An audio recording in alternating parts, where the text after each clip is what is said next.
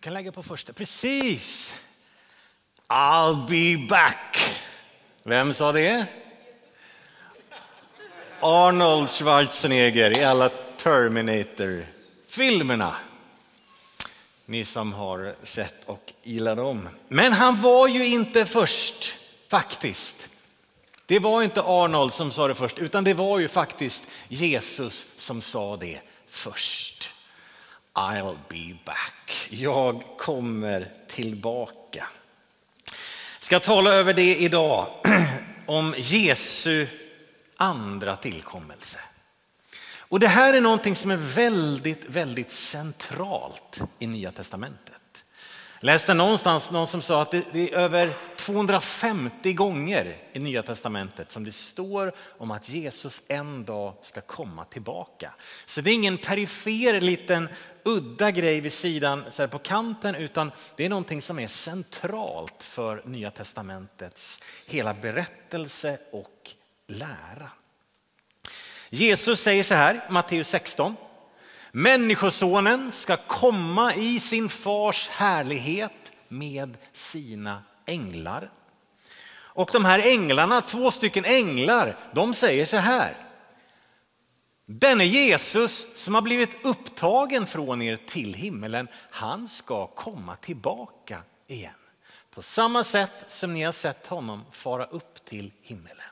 Och det här är precis vid Kristi himmelsfärd. Lärjungarna står där och har sett Jesus lyftas upp och försvinna ur deras åsyn. Och så kommer det två änglar och säger, varför står ni här och tittar mot himmelen? Han kommer tillbaka. Så att Jesus kommer tillbaka är centralt för allt det som skrivs i Nya Testamentet. Och faktiskt även Gamla Testamentet finns det här med som en ganska stor punkt. Det finns ju mycket profetier som talar om att Jesus ska komma och det rike han ska upprätta. Men det är en del av de här profetierna som på något sätt bara når halvvägs när Jesus kommer. Och det fridsrike som han ska upprätta, det är som att ja, men det är inte riktigt här än. Och det talas ganska mycket om Herrens dag, den dagen som ska komma. Ett, någon slags messianskt rike och som då verkar vara i samband med tidens slut som vi känner den. Att det är någonting nytt som ska träda in, någonting nytt som ska hända, någonting annat. Där vi läser om en, en sista uppgörelse med ondskan. När ondska, synd och död och djävul ska dömas för evigt ett rike av frid upprättas fullständigt. Och den seger som Jesus vinner på Golgata, och han säger ja det är fullbordat. Så att djävulen är besegrad. Men vi ser ju inte den segern liksom manifesterad än fullkomligt utan det kommer en dag när någonting annat sker och som då kopplas till Jesu andra tillkommelse. Om vi eh, rör till det lite grann först, är det okej? Okay? Eh, vad bra. Eh, för att i tider av stor turbulens mycket oro, när det är lite stökigt i tiden så har Jesu tillkommelse aktualiserats. Så har det varit gång på gång och så även i vår tid. För nu är det ganska stökigt i vår värld och då aktualiseras det här. Är det dags nu? Kommer han nu? Och sen har det här med Jesu andra tillkommelse orsakat väldigt mycket rädsla hos människor att det är väldigt, eh, väldigt dramatiskt. Det är någonting skrämmande som ska ske. Och det har spekulerats mycket om när, var, hur kommer detta att ske? Och en del av det här är inte så konstigt, för när Nya Testamentet talar om det så är det en händelse som är utöver. Tänk att det sammanfattar. Jesu tillkommelse, vad blir det? Det är utöver. Utöver vad då? Ja, utöver allt. du kan tänka dig. Utöver vad du kan föreställa dig. Vi får inte riktigt in det här i vårt begränsade sinne. Jesus talar själv om liksom, som på blixtens sken och på himmelens skyar. Det är plötsligt, det är som en tjuv om natten.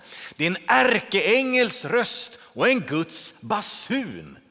Va? Gud är blåsare, har ni tänkt på det?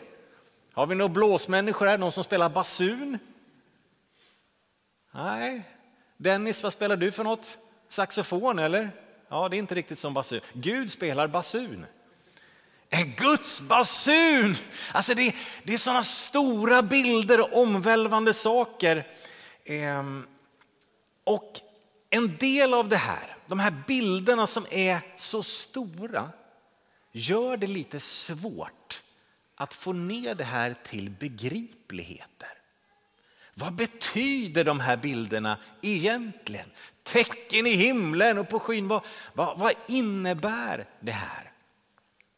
Och du som har läst Uppenbarelseboken, Bibelns sista bok, får ju med en del av det här. För när Johannes som skriver ner Uppenbarelseboken, han har ju märkliga syner. Det är som att Gud drar undan någon slags skynke så han får se in i det himmelska också. Vad händer? Och ganska ofta i Uppenbarelseboken när Johannes försöker beskriva vad han ser så är det, jag såg någonting som liknade en. Det var som en, och så försöker han sätta ord på det här. Och det är som att han ser saker som inte riktigt finns i hans begreppsvärld. Jag såg någonting som liknade, ja det liknade det här men det var inte riktigt det. Och så ändras det lite under tiden. Så det är märkliga bilder och i samband med Jesu ankomst och det som då blir vår tids slut, någonting nytt som händer, så är det mycket bilder. Mycket målande, symbolik i mängd som vi har lite svårt att få ner till begripligheter. Det som är tydligt, det är att han kommer. Kan ta nästa. Att Jesus kommer tillbaka, det är solklart. Supertydligt gång på gång. Det som också är supertydligt är att ondska och djävul kommer att dömas en gång för alla. Den är också jättetydlig. Det är inte så att det är en match mellan gott och ont och vi får se lite grann vem som vinner. Jag håller på det här laget och en del håller på det där laget så får vi se vem som vinner. Nej, Gud och djävulen är inte två kompatibla storheter där vi får se hur det går. Utan det är väldigt, väldigt tydligt, ondskan är besegrad och kommer att bli fullständigt besegrad en gång vid tidens slut. Det är en tröst att bära med sig. All ondska kommer dömas. Det vi tycker nu att Gud, varför gör du ingenting? Och det kan vara en berättigad fråga. Och han kommer att göra någonting. Så all ondska kommer dömas. Och den tredje som sitter ihop med den här.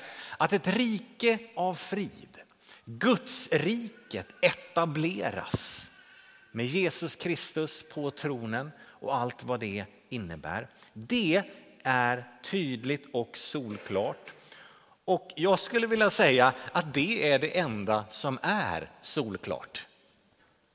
Det här kan vi liksom, det här säger Nya Testamentet.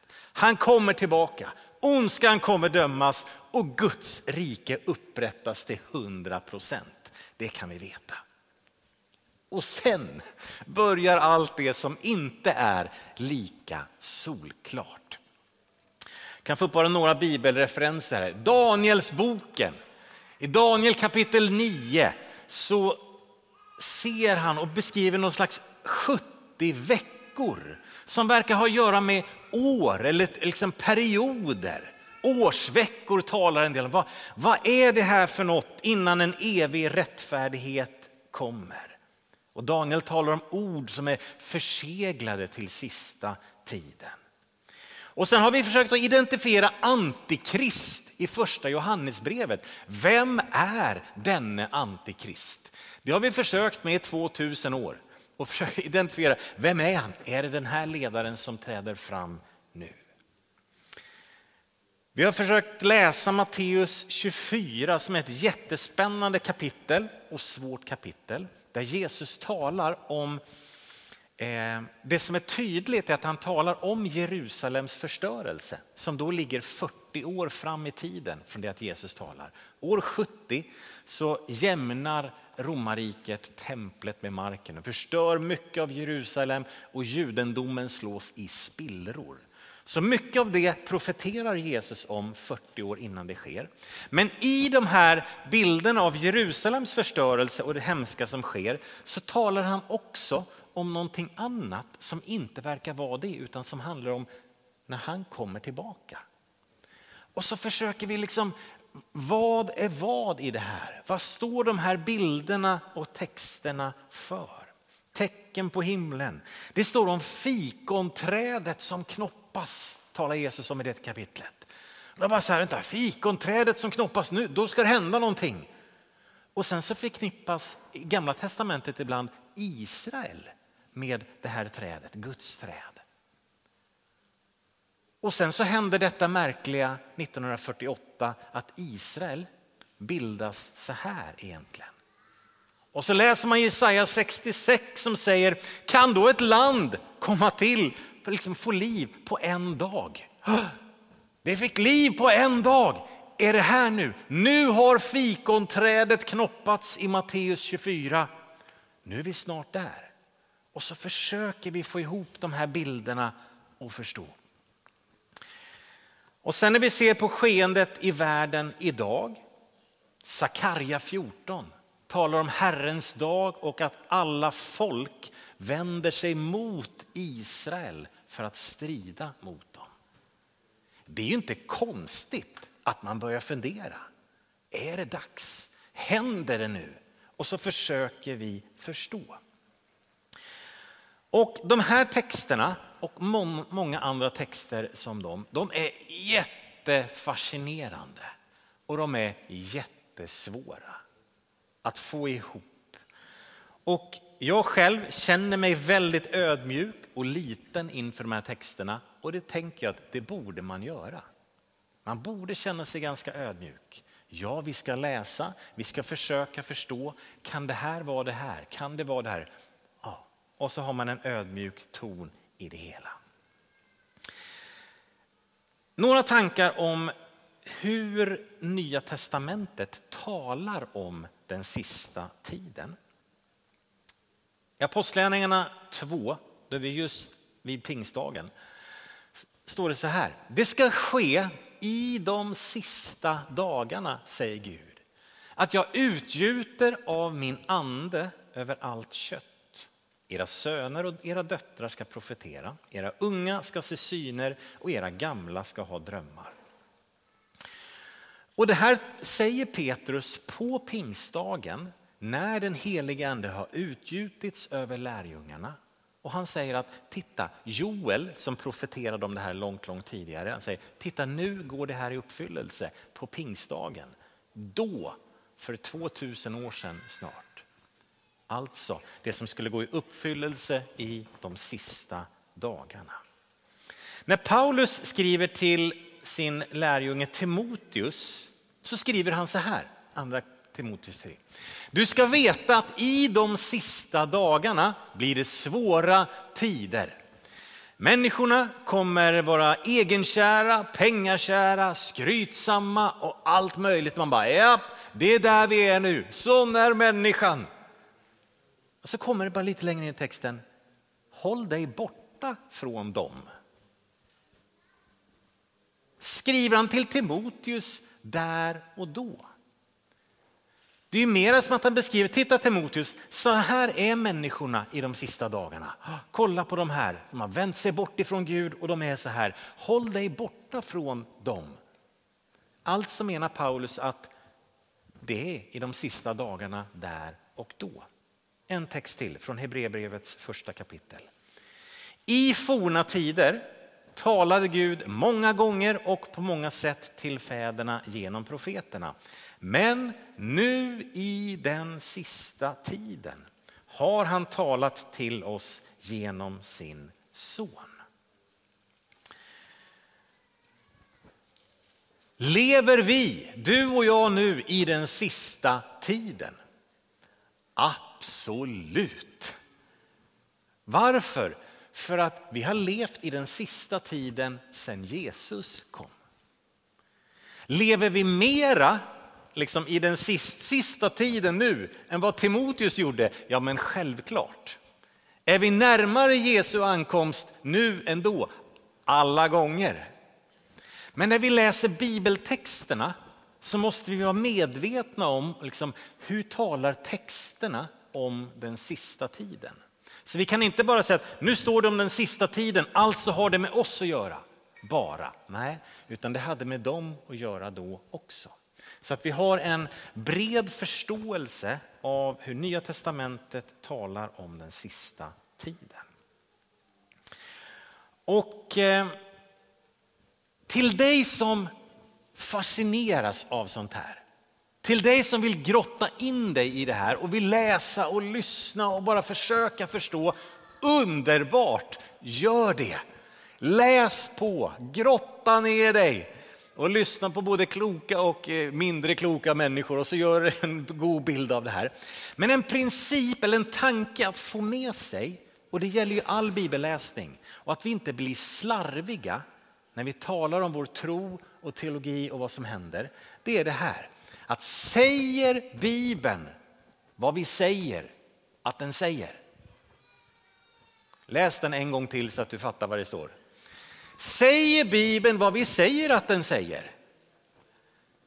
För det kan vara lätt att man, ja, vet, och Bibeln säger ju så här. Mm -hmm. Gör den det?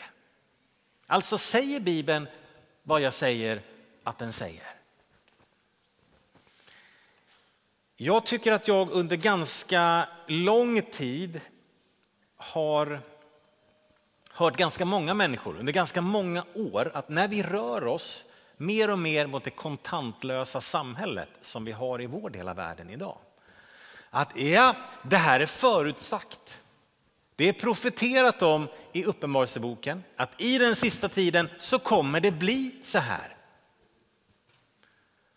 Jaha, står det om det kontantlösa samhället i Bibeln? Svar nej. Det står ingenting om det kontantlösa samhället i Bibeln. Alltså, säger Bibeln vad vi säger att den säger? Nå, man ska vara lite varsam med detta. Bibeln säger någonting om kontroll över handel, hur man, vilka som får köpa och vilka som får sälja. Och så lägger man ihop ett plus ett och så tänker man så här, den här kontrollen över vilka som får köpa och sälja och så det vi rör oss mot är ett kontantlöst samhälle. Kan det kontantlösa samhället vara en förutsättning för den kontrollen över handeln? Ja. Men talar Bibeln om det? Om det kontantlösa samhället? Nej, utan det är vi som drar en slutsats, en tolkning utifrån att så här ser våran tid ut och Bibeln talar om det här. Ja, det kan hänga ihop. Men säger Bibeln vad vi säger att den säger? Så att vi är lite varsamma med det här. Och just den här grejen med det kontantlösa samhället eller den här kontrollen över handeln. Den kommer från ett jättespännande och svårt kapitel. Eller ett av alla spännande och svåra kapitel i Uppenbarelseboken. Kapitel 13. Där Johannes han ser två stycken vilddjur. Ett vilddjur som stiger upp ur havet. Ett vilddjur som stiger upp ur marken. Och det ena vilddjuret, han säger så här, det liknade en leopard. Men det hade fötter som en björn. Och sen är det horn och grejer. Det är så märkliga bilder. Och han försöker sätta upp, ja men det, det liknade typ en leopard men, men det var ju som en björn. Och ibland så flyter sådana här bilder ihop med ansikte som en människa och man bara, vad ser han för något? Så det liknar någonting. Det är någon slags vilddjur som han ser i sina syner. Och det ena vilddjuret tvingar människor, liksom tvingar på människan ett märke på handen eller i pannan. Och utan det märket så kan man inte köpa och sälja. Och står det om att det här är vilddjurets märke eller människans tal 666. The number of the beast, du som kan din Iron Maiden långt tillbaka. Så är det något slags märke, någon slags godkännande stämpel för att kunna köpa och sälja. Vad är det här? Vi vet ju att redan då, vid den här tiden när det skrivs, vid slutet på första århundradet in på början på, på liksom, eh, ja, 100-talet där, så var handeln i romarriket starkt kopplat till kejsarkulten. Så för att få vara med i olika såna handelsskrån så var du tvungen att offra till kejsaren. Och det kan ha varit så, jag har ibland varit på, man har varit på konserter eller olika grejer så här, och sen så går man in så får man en snygg liten röd stämpel på handen så här, visar att ja, du har betalat entréavgiften på 27 kronor, nu kan du gå både in och ut här så vet vi, liksom, du har betalat din biljett. Att det kan ha varit så att för att få komma in på marknadsplatsen med mina varor så behövde jag först ge en gåva, offra till kejsaren som då blir liksom en tillbedjan, en Gud, då är du välkommen in att köpa och sälja. Då är du godkänd. Om du inte offrar till kejsaren, då är du inte godkänd. Då släpps du inte in att köpa och sälja. Så kontroll över marknadsplatsen fanns ju redan där och då. Så kontroll och tillbedjan det handlar Uppenbarelseboken mycket om. Handlar det om vår tid idag? Kan göra. Men säger Bibeln vad vi säger att den säger? Så att, att vi är lite varsamma med de här jättesvåra texterna som vi läser. För det är också så att bara några verser senare, vi kommer in i kapitel 14, typ tre verser senare, så står det om ett till tecken i pannan. Och då är det Guds tecken, Guds sigill i pannan på sina barn. Det läser vi om i kapitel 7 också i Uppenbarelseboken. Så då helt plötsligt, här finns det ett märke till i pannan. Och jag tror aldrig jag har hört någon tala om det märket. När får vi det märket? Vilka får det märket i pannan? Utan där gör vi ganska snabbt en tolkning att här är något slags bildligt symboliskt. Medan märket i kapitlet innan gör vi väldigt, väldigt bokstavligt för att det passar in i vår tid. För att för vad då? Är det 15 år sedan, kanske 20 år sedan redan som man liksom började så här, man kan sätta in ett litet chip i handen. Och då blir det direkt så här, kolla, här är märket. Kan det vara så? Ja, det kan det. Säger Bibeln att det är det märket? Kan göra. Kanske inte. Så jag hoppas att du, du hör mig i det här att det är spännande texter, det är svåra texter och de är inte entydiga. Och framför allt de här texterna som vi läser, och tänk dig Uppenbarelseboken, den måste ha varit begriplig för dem som fick det. Det handlar ju först och främst till dem i deras situation. Det var inte så att Petrus eller Johannes de skrev ett brev och skickade det till några så här. Här får du ett brev eller tre. Du kommer inte fatta någonting för det handlar inte om din situation. Men läs gärna upp det för det handlar om de som kommer leva om 2000 år. Nej, Gud talar ju till dem där och då. Skriv ner det här, skicka det till dem som finns där till uppmuntran, kraft och hjälp och vägledning. Så bibelordet är ju riktat till de som fick det då också. Det måste varit begripligt för dem. Så att vi är varsamma med bibeltexten. Vi är varsamma i våra tolkningar. Kan det vara så här? Ja, det kan det. Kan det vara så här också? Ja, det kanske är så istället. Så att, eh, var inte för tvärsäker. Förutom på de tvärsäkra sakerna. Jesus kommer tillbaka. Ondskan kommer dömas. Det blir ett rike av fred och frid där Gud torkar alla tårar, Jesus på tronen och ingenting annat. Det vet vi. Och sen det andra, ja, där letar vi oss fram. Det finns ju profetier i Bibeln som är väldigt tydliga och enkla.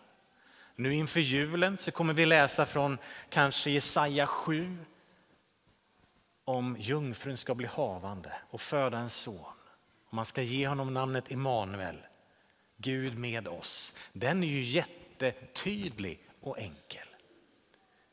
Det finns ganska många profetier om Jesu död på korset, vad som ska hända. De är ganska enkla. Men sen de här sakerna som handlar om det här som ska komma. De är inte så enkla. Så att vi är lite varsamma bara med i hur vi eh, läser och talar om dem. Yes, hur då? Om det står så mycket om Jesu återkomst, men det är lite halvt obegripligt, varför står det då där? Det kan man ju fundera på.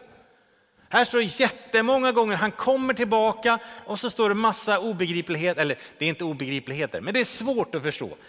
Vad ska jag göra med det? Hur ska jag förhålla mig till det? Varför verkar det vara så viktigt att det står så mycket om det? Jo, jag tänker så här. Vi tillhör inte planeringskommittén utan vi tillhör välkomstkommittén.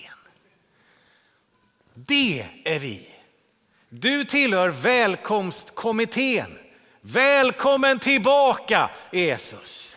Vet, du och jag, vi står för trumpeterna, för eh, serpentinerna, för banderollerna, för läsken och chipsen. Bara, Woo! Det är du och jag. Vi är inte med i planeringskommittén för när, var, hur. Utan vi är i välkomstkommittén när han kommer tillbaka. För Gud har tänkt, Gud har planerat, Gud har makten, han vet. Han gör på det sätt som han vill och har tänkt. Och apostlärningarna, där säger Jesus någonting ganska viktigt. Han säger så här, det är inte er sak att veta vilka tider och stunder fadern, som Fadern i sin makt har fastställt. Det är inte er sak att veta. Ja, men jag vill veta. Ja, men nej Jörgen, det är inte din sak att veta. För vet du, jag tror inte att jag skulle kunna hantera det. Jag tror inte att vi skulle kunna hantera det.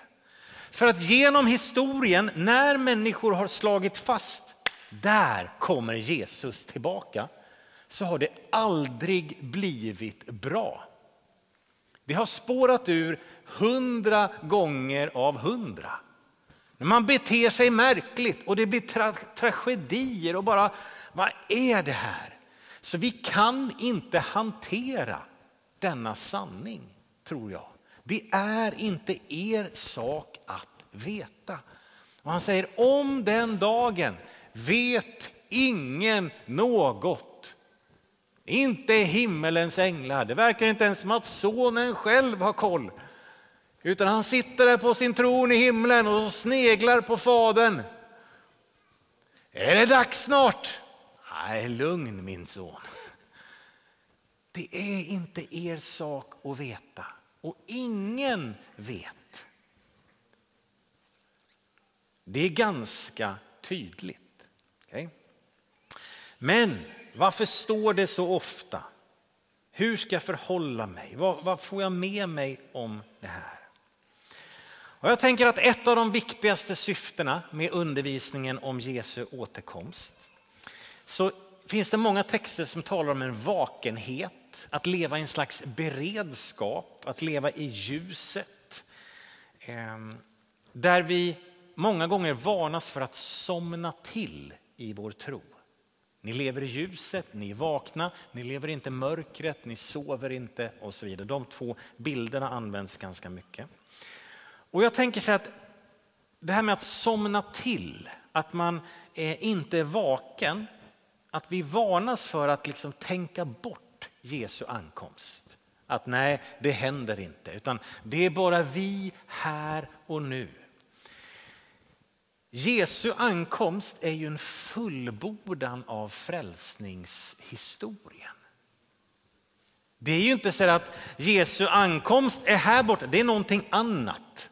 Liksom, ja, men först så, så skapade Gud här någon gång. Ja, han satte igång och sen så gick det åt skogen och så försökte Israels folk och så gick det inget bra. Ah, jag får väl skicka en Jesus då. Och så kommer en Jesus och fixar till. Ja, vad bra, nu har vi ordnat till allting. Och sen så fortsätter historien, ja men det verkar ju gå hyfsat med min andes hjälp och ah, vi kanske ska, ska vi knyta ihop det här någon gång? Ja, vi gör väl det. Nej, det sitter ju ihop härifrån. Vet du, här står det om livets träd i första Mosebok. Och vet du vad vi hittar i Uppenbarelsebokens sista kapitel? livets träd. Det sitter ju ihop. Och när Jesus dyker upp här i mitten så var inte det någon överraskning utan redan här i början så står det att, vadå? Kvinnans avkomma, singular, han ska krossa ormens huvud, djävulens makt. Jesus kommer, kvinnans avkomma på korset säger det är fullbordat. Och Jesus säger jag såg djävulen kastas ner ifrån himmelen. Denna världens första är dömd. Men det har inte skett fullt ut än utan det sker när Jesus kommer tillbaka en andra gång. Det sitter ihop. Jesu ankomst, det är fullbordan från korset.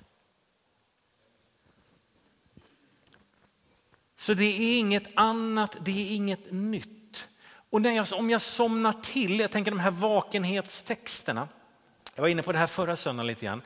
Att när jag talade om himmelen, att min tro här handlar inte bara om mina steg här och nu. Jag får lite inspiration, jag får lite kraft, det blir lite hjälp, och livet blev lite drägligare. Ja, vad bra. Det blir det. Det hjälper till. Men tron på Jesus är så mycket större.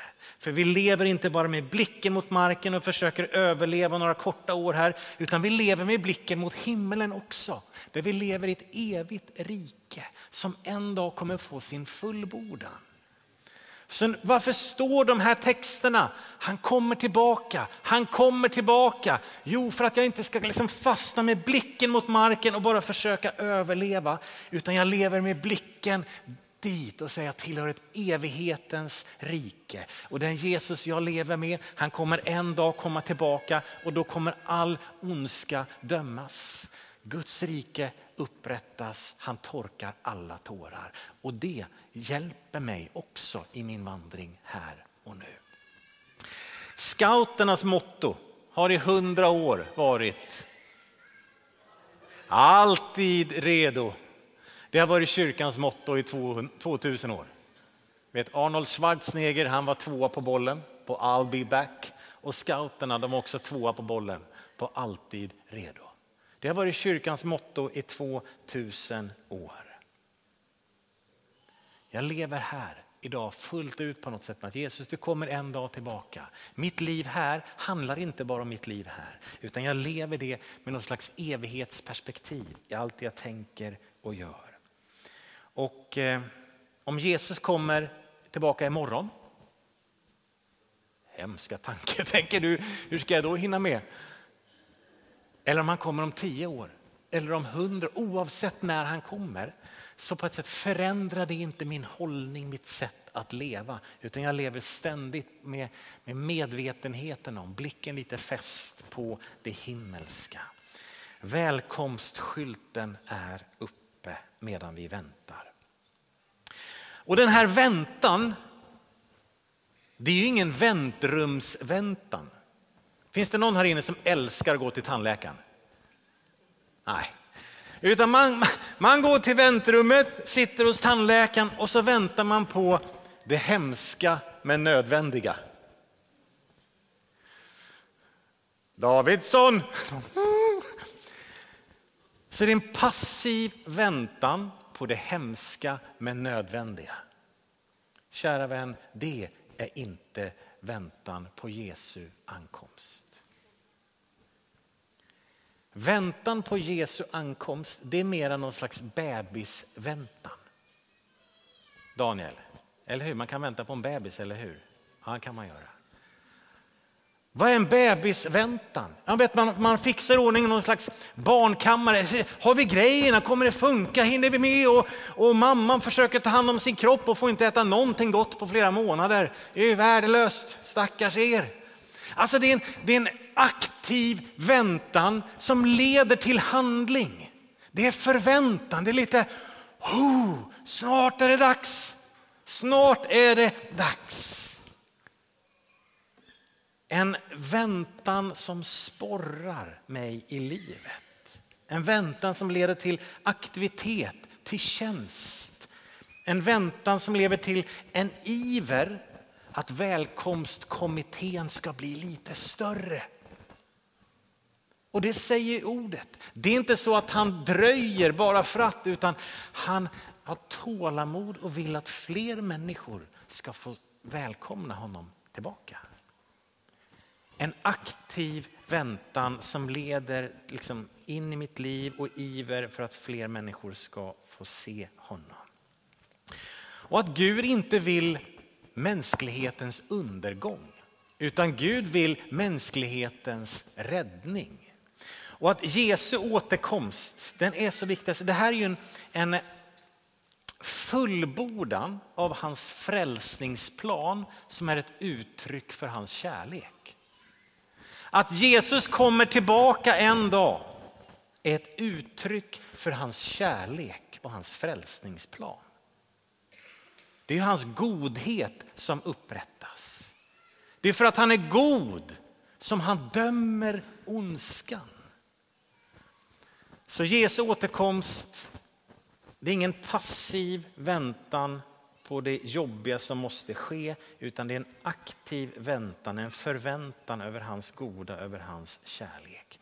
Ibland blir det sånt fokus på någon slags detaljer i undergångsscenariot så vi tappar blicken på honom.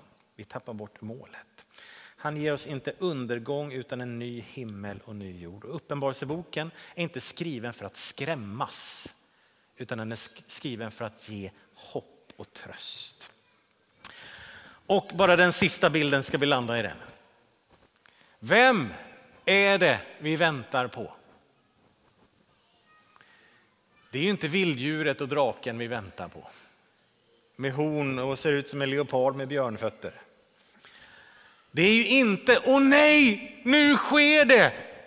Utan äntligen är du här, välkommen. Det är ju min Jesus vi väntar på och din Jesus vi väntar på. Han som älskar dig, som förlåter dig, som ger dig frid, hopp och tro. Och vi kan få leva våra liv med samma bön som Bibeln slutar med.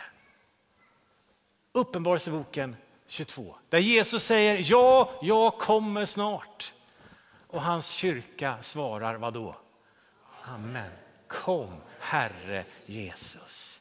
Det är förväntan, det är välkomstkommitté, det är serpentiner, det är ballonger. Det är bara äntligen.